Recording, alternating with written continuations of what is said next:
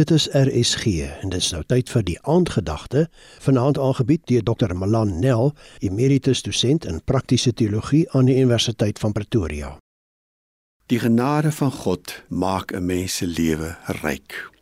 In Efesiërs hoofstuk 1 vers 3 tot 14 help my my lewe lank al om te verstaan wat hierdie rykdom alles inhou.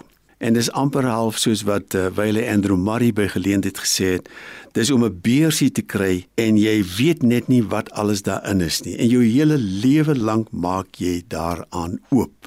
En ek gaan vanaand nog een dingetjie daar uithaal wat hier in vers 11 en 12 na ons toe kom, is dat ons is ook erfgename. Ons, wie sal dit nou wees?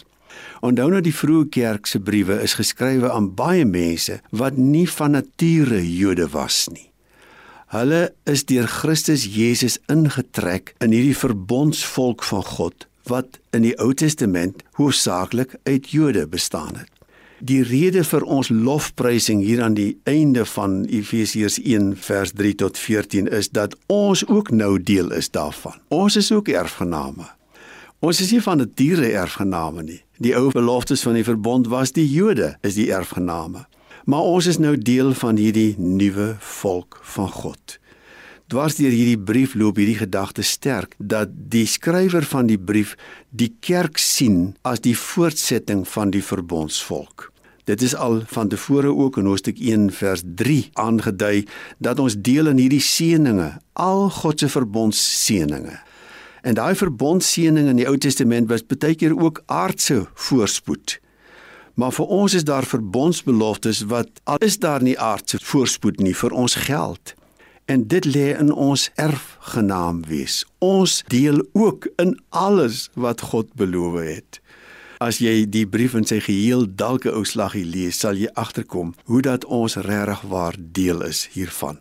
Die hele hoofstuk 2 vers 11 en verder gaan byvoorbeeld daaroor dat daar net een nuwe mensheid is. Daar is nie meer Jood en Griek nie. Ons is God se erfgename.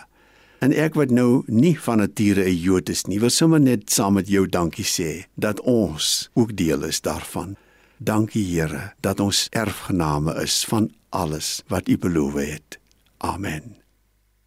Dit was die aandgedagte hier op RSG, aangebied deur Dr. Melan Nel, emeritus dosent in praktiese teologie aan die Universiteit van Pretoria.